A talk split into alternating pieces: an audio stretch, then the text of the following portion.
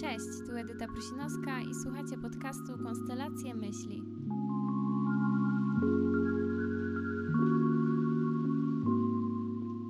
Hej, hej, hej, dawno się nie słyszeliśmy i muszę przyznać, że przez to, że nie nagrywałam już od tylu miesięcy, wyszłam z wprawy i całkiem stresowałam się dzisiejszymi nagrywkami ale mam nadzieję, że z nagrywaniem podcastów jest jak z jazdą na rowerze, czyli że raz nauczonej umiejętności tak łatwo się nie zapomina.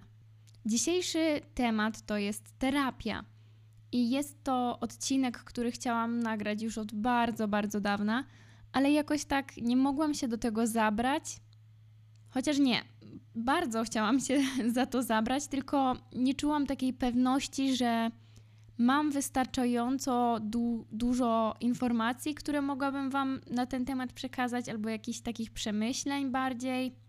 E, dlatego dopiero teraz nagrywam odcinek na ten temat.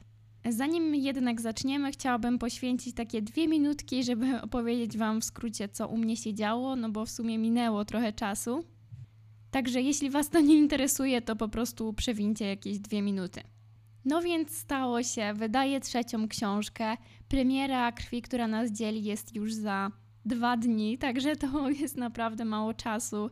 I przyznam szczerze, że to oczekiwanie jest najgorsze i najbardziej stresujące, ale jestem tak dumna z tej książki, że już po prostu nie mogę się doczekać, aż będziecie mogli ją dotknąć, tak jak ja to robię teraz. Nie wiem, czy słyszycie.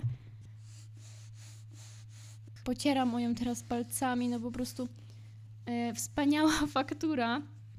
Nie mogę Wam tutaj pokazać okładki, ale możecie e, wpisać sobie tytuł w Google i, i sobie ją obejrzeć. Trzymam teraz w dłoniach wydanie specjalne i powiem Wam, że jestem tak dumna z tej książki i, i z tego, że udało mi się ją wydać mimo, mimo pewnych trudności, mimo że no nie było to, to dla mnie łatwe zadanie, bo wyszłam totalnie przy pisaniu tej książki ze swojej strefy komfortu, o czym też w sumie już wiele razy mówiłam, bo jest to książka nowa dla mnie w wielu aspektach. Na przykład pisałam ją w pierwszej osobie, czy pojawia się wątek fantastyczny, bo mamy wampiry.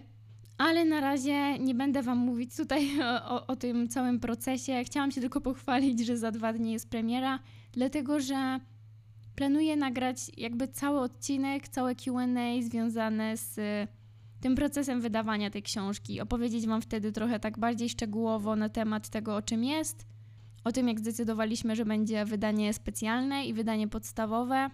Także to by było na tyle, jeśli chodzi o moje chwalenie się e, i, i odkładam tę książkę. Dobrze, więc przejdźmy teraz do tematu odcinka.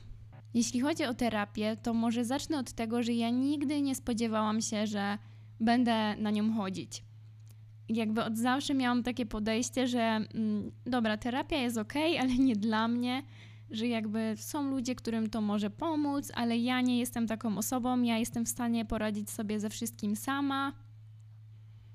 I nawet no, nigdy nie brałam pod uwagę tego, że, że mogę zacząć chodzić na terapię, ale w ogromnym skrócie w moim życiu za, za, wydarzyło się dużo rzeczy, które trochę za mocno mnie przeciążyły i jakby nie miałam zasobów, żeby sobie z nimi poradzić. Po prostu no doszło do tego, że miałam e, ogromne lęki, e, czasem ataki, paniki, ale głównie, głównie to był taki ogólny lęk, który po prostu przeszywał mnie na wskroś. I, i to, ten lęk zaczął wpływać też na moje ciało, bolał mnie brzuch, bolały mnie plecy, bolała mnie głowa, no po prostu moje ciało, tak wiecie, powoli, y, no moje ciało się buntowało, nie chciało czuć tego ciągłego lęku, tego ciągłego stresu. I w pewnym momencie było mi tak ciężko, że po prostu nie widziałam innego wyjścia niż szukać pomocy. Nie zaczęło się od terapii, bo najpierw poszłam do psychologa, y, byłam na kilku konsultacjach, w takim naprawdę kryzysowym momencie zadzwoniłam nawet na numer um, jakby alarmowy, wiecie, na ten numer, na który się dzwoni w takim kryzysie psychicznym. 106, 116, 111 chyba. No i tak, y, kiedy na chłodno sobie y, pomyślałam o tym i przeanalizowałam różne opcje, to stwierdziłam, że najmądrzej byłoby pójść na terapię i że to jest to, czego potrzebuję.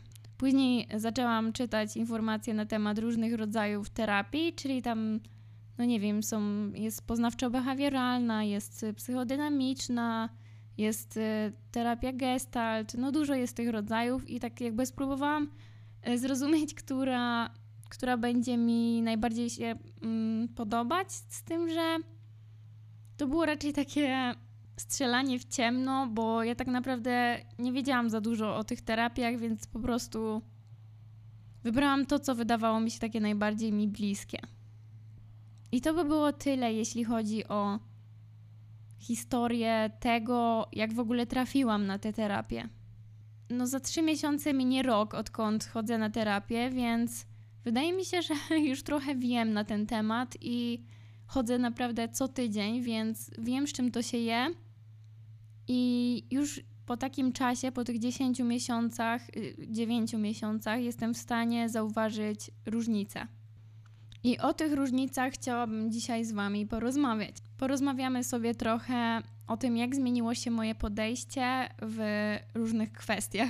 Dobra, pierwszy punkt to jest rzecz, którą e, w sumie tak uświadomiłam sobie dopiero od niedawna. To znaczy, wiedziałam już to od, od no nie wiem, od roku miałam tę wiedzę, tylko że żeby uświadomić sobie to na jakimś głębszym poziomie i żeby to do mnie dotarło, do moich myśli, do mojej głowy, do mojego ciała, to potrzebowałam czasu i dopiero tak jakby niedawno to do mnie dotarło. I to jest to, że płacz, e, płacz może być oznaką siły. Że okazywanie smutku komuś, bliskiej osobie, albo no nie wiem, osobie, która nie jest nam aż tak bliska, że to może być oznaka siły i że to nie jest tylko gadanie. Bo no ja mam też takie coś, że myślałam często, że okay, inni mogą płakać, inni e, mają prawo być wrażliwi, mm, ale ja nie. inni mogą, ale ja nie. Ja muszę być silna dla, nie wiem, każdego innego, dla każdej innej osoby, która mi jest bliska. Ja muszę być tą, tą skałą, tą ostoją, y, o, o którą każdy może się oprzeć w chwili słabości. Ja nie mogę być słaba, inni mogą, ja nie. Nie wiem, w jakim momencie mojego życia zaczęłam myśleć w ten sposób, ale wydaje mi się, że to był dość taki prosty schemat, czyli ktoś mnie kiedyś zranił. I ja oczywiście, no, no nie, nie fajnie jest mieć złamane serce, być zranionym, więc pomyślałam sobie, dobra, od, te, od teraz będę silna, zbuduję mur i nie będę już płakać, gdy ktoś mnie zrani, nie będę tego pokazywać. I to był dla mnie taki naturalny tok, jakby rozumowania. I myślałam, że właśnie to jest to okazywanie siły, że bycie twardą, bycie taką osobą, która, której nie da się złamać, że po prostu nie ma takiej rzeczy, której ktokolwiek by mi zrobił, żeby mnie to zabolało, że to jest oznaka siły. I dopiero jakby na terapii odkryłam, że dużo, że, że jakby zamknąć się na kogoś, to, to nie jest żadna sztuka. Że jakby nie okazywać emocji, to to nie jest nic trudnego. Że może każdy może to zrobić. Każdy może się zamknąć na innych i nie wpuszczać do siebie żadnych emocji. Dużo trudniej jest otworzyć się przed kimś, bo, bo jakby jeszcze z wiedzą, że możesz zostać zraniony. To jest, to jest bardzo trudne. Przynajmniej dla mnie. I to jest rzecz, której wciąż się uczę. Bo jeśli zostaniesz zraniony raz, czy drugi, czy trzeci, to, to coraz trudniej jest ci nadal pokazywać te emocje, nadal być otwarty na innych i dużo łatwiej jest zostać taką właśnie skałą. I właśnie na terapii użyłam tej metafory, że ja się, ja, ja chcę być jak skała, że, że chcę być tą ostoją, że chcę być, chcę być taka silna jak skała. I dopiero po kilku sesjach zrozumiałam, że trochę pomyliłam te pojęcia tej siły, że, że kamień wcale nie jest taki silny, że da się go łatwo rozłupać i, i że to nie kamień jest taką ogromną siłą. I dopiero od niedawna tak zaczęłam rozumieć, że, że chyba wolałabym być taka silna jak morze. Morze albo ocean jest w stanie wytworzyć takie fale, że porwą nawet największy kamień. Gdy fale uderzają bardzo długo na przykład o skały, to potrafią wyszczerbić te boki i sprawić, że kamień jest gładki i nie jest już taki silny, jaki się wydawał wcześniej, Więc wydaje mi się, że morze, czy ocean, czy ogólnie woda to jest taka siła, do której teraz e, się porównuje, że chciałabym być taka silna jak morze albo jak ocean. Nie wiem, czy to ma sens w ogóle, co mówię, ale jakby na moich e, sesjach z moją terapeutką czasem posługuję się takimi metaforami, bo dużo łatwiej jest mi, mi wtedy wyrazić swoje emocje, niż mówić o nich tak wprost. I przyznam Wam szczerze, że pomimo tych dziewięciu miesięcy nauki czegoś no, prostego, takiego jak, że płacz może być oznaką siły, bo to zdanie jest proste i to jest jakby łatwo sobie wyobrazić. Ale zrozumieć to w takim stopniu, żeby przyjąć to do siebie, to jest według mnie prawdziwy trud. I ostatnio właśnie na terapii e, rozpłakałam się. Dlaczego to? Aha, rozpłakałam się, bo na wspomnienie lasu, bo pomyślałam sobie, że dawno nie byłam w lesie a ja kocham las, kocham naturę, kocham drzewa, kocham przebywać po prostu pośród natury. I nie wiem, wyobraziłam sobie, że miałam takie ćwiczenie, że wyobraziłam sobie, że stąpam po mchu, że dotykam kory, że czuję ten zapach y, tych drzew, ty, ty, tych liści po prostu leżących w kubkach w lesie. I tak się wzruszyłam na myśl o tym, e, że, że się popłakałam, przyznam szczerze. No ja jestem dość wrażliwą osobą, więc takie rzeczy mnie wzruszają. I zaraz po tym, jak się popłakałam, poczułam takie uczucie wstydu. Miałam takie pretensje do siebie, że Edyta, Boże, co ty robisz? Rozpłakałaś się przy kimś, bo pomyślałaś o lesie. No po prostu jesteś... Ach, jak można być taką wrażliwą pierdołą po prostu i wiecie, miałam od razu pretensje do siebie i tak naprawdę dopiero uczę się tego, że, że moja wrażliwość jest moją siłą i że dzięki tej wrażliwości potrafię widzieć rzeczy, których nie wszystkie osoby widzą i dzięki temu na przykład piszę książki i to pomaga mi zauważyć wiele, wiele rzeczy, których nie widać na pierwszy rzut oka.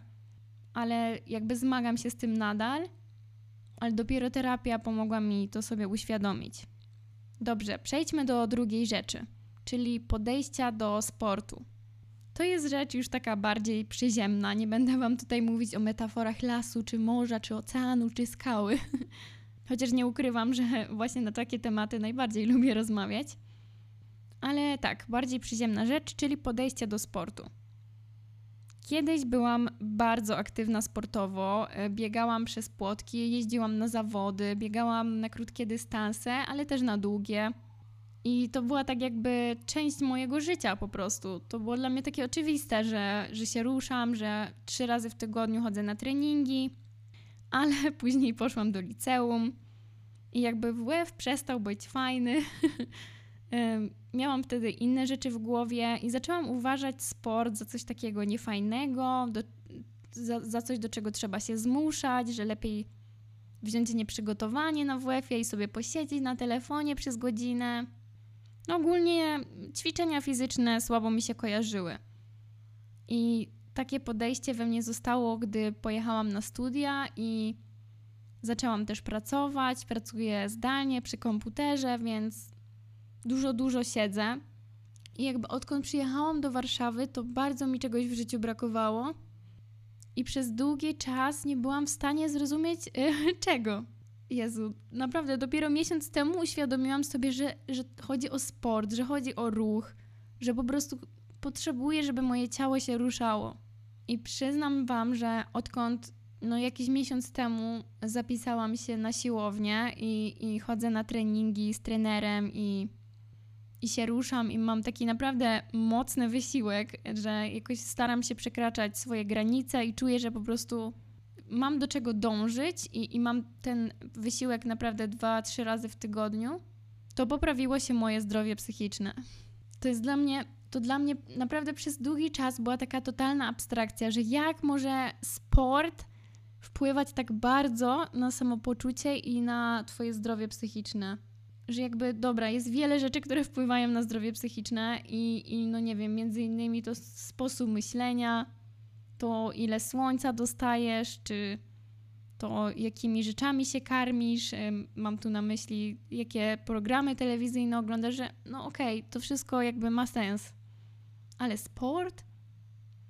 To no słyszałam, że mówi się często w żartach, że psy, jak się idzie do psychologa i mówi się, no chyba mam depresję, to on odpowiada, no to idź pobiegaj. I jakby ten żart słyszałam. I on był raczej w takim jakby negatywnym kontekście pokazywany zazwyczaj, że to nie jest żadna rada i że jakby okej, okay, sport nie jest w stanie wyleczyć cię z depresji. I ja dopiero tak niedawno, w sumie jak pisałam pracę licencjacką, bo pisałam pracę na temat e, hikikomori, czyli takiego zjawiska niewychodzenia z domu. E, często e, takie osoby, które zamykają się w domu, mają też przy okazji inne choroby, na przykład właśnie depresję albo właśnie zaburzenia lękowe. No, zazwyczaj po prostu osoba, która zamyka się w domu i nie chce wychodzić i w ogóle odcina się od społeczeństwa, no ma jakieś problemy psychiczne. I podczas pisania tej pracy licencjackiej musiałam znaleźć kilka badań, które, nie wiem, e, byłyby w stanie pokazać mi sytuację tych osób. I właśnie wtedy natknęłam się na jakieś badanie chyba z Uniwersytetu w Seulu, który badał kilka przypadków hikikomori z całego świata pojedynczych przypadków, także to nie było badanie jakościowe, y, to nie było badanie ilościowe, tylko jakościowe. I no, znalazło się tam kilka przypadków osób, które zdołano wyleczyć z hikikomori. Chociaż no mówię wyleczyć z, hikikomori, ale hikikomori to nie jest jakby choroba, tylko zjawisko. No ale udało się wyleczyć z tego zamykania się w domu i niewychodzenia za pomocą właśnie sportu, za pomocą biegania trzy razy w tygodniu, więc jakby rozumiem, że są przypadki, których nie da się wyleczyć sportem i to jest dla mnie oczywiste, ale nie można udawać, że sport nie ma nic wspólnego z zdrowiem psychicznym, bo ma i ja jestem tego przykładem i przykładem jest tego wiele osób, którym sport naprawdę no, uratował życie. Także mówię Wam, że jeśli czujecie, że macie czasem gorszy humor, to mm, warto między innymi, między innymi spróbować tego sportu, szczególnie jeśli mało się ruszacie. E, choćby spacery albo tańczenie, no nie wiem, cokolwiek, ale to dużo daje. Szczególnie e, regularnie. I teraz rzeczywiście nie myślę o sporcie, znaczy nadal nad tym pracuję, ale od jakiegoś czasu już nie myślę o sporcie jako o takim negatywnym aspekcie mojego życia, który trzeba odbębnić, tak jak WF, i po prostu zapomnieć o tym, tylko raczej jako taki sposób na utrzymanie, no nie wiem, dobrostanu nie tylko fizycznego, ale też przede wszystkim u mnie psychicznego. Także po każdym treningu jestem w ogóle wdzięczna, że nie wiem, miałam taką szansę tam iść że znalazłam na to czas i że e, no, no jestem po prostu wdzięczna. Trzecia rzecz, e, którą, której nauczyłam się na terapii, to jest to, że trzeba potrafić odmawiać innym. Trzeba potrafić mówić nie, bo inaczej bardzo łatwo można po prostu stracić siebie, stracić swoje zdanie. Taka ciągła pasywność, taka ciągła obojętność nie jest dobra ani dla ciebie, ani dla innych. I to jest temat, którego nie będę tak jakoś mocno eksplorować, bo przekaz jest bardzo prosty. I to jest rzecz, której po prostu, którą po prostu trzeba wyćwiczyć i którą ja nadal ćwiczę. I nagrywałam już w sumie na ten temat cały odcinek na kanale. Chyba nazywał się Mam dość bycia grzeczną dziewczynką.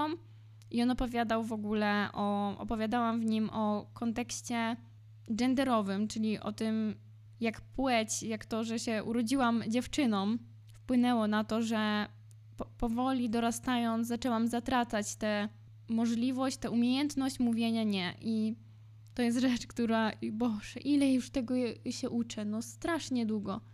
I nadal mam czasem problemy z asertywnością, więc to nie jest nic łatwego, ale to jest kolejna rzecz, który, której uczy mnie terapia i widzę, że to serio działa i że im dłużej chodzę na tę terapię, tym bardziej ja, moje zdanie się klaruje, tym bardziej zaczynam widzieć kontury tego, kim jestem, i, i to się tak nie rozlewa no takie tak, nie, może. Tylko zaczynam powoli widzieć, ok, to lubię, tego nie lubię.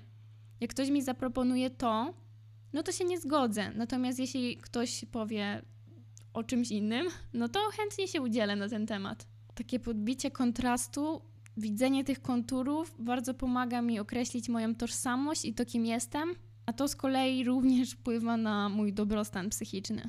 Kolejna i w sumie chyba ostatnia rzecz, o której chciałabym Wam powiedzieć, bo widzę, że się mocno rozgadałam i że ten odcinek, nie chcę, żeby ten odcinek po prostu tak długo trwał, szczególnie, że to jest odcinek po bardzo długim czasie i pewnie nie jesteście w ogóle przyzwyczajeni do mojego gadania tyle.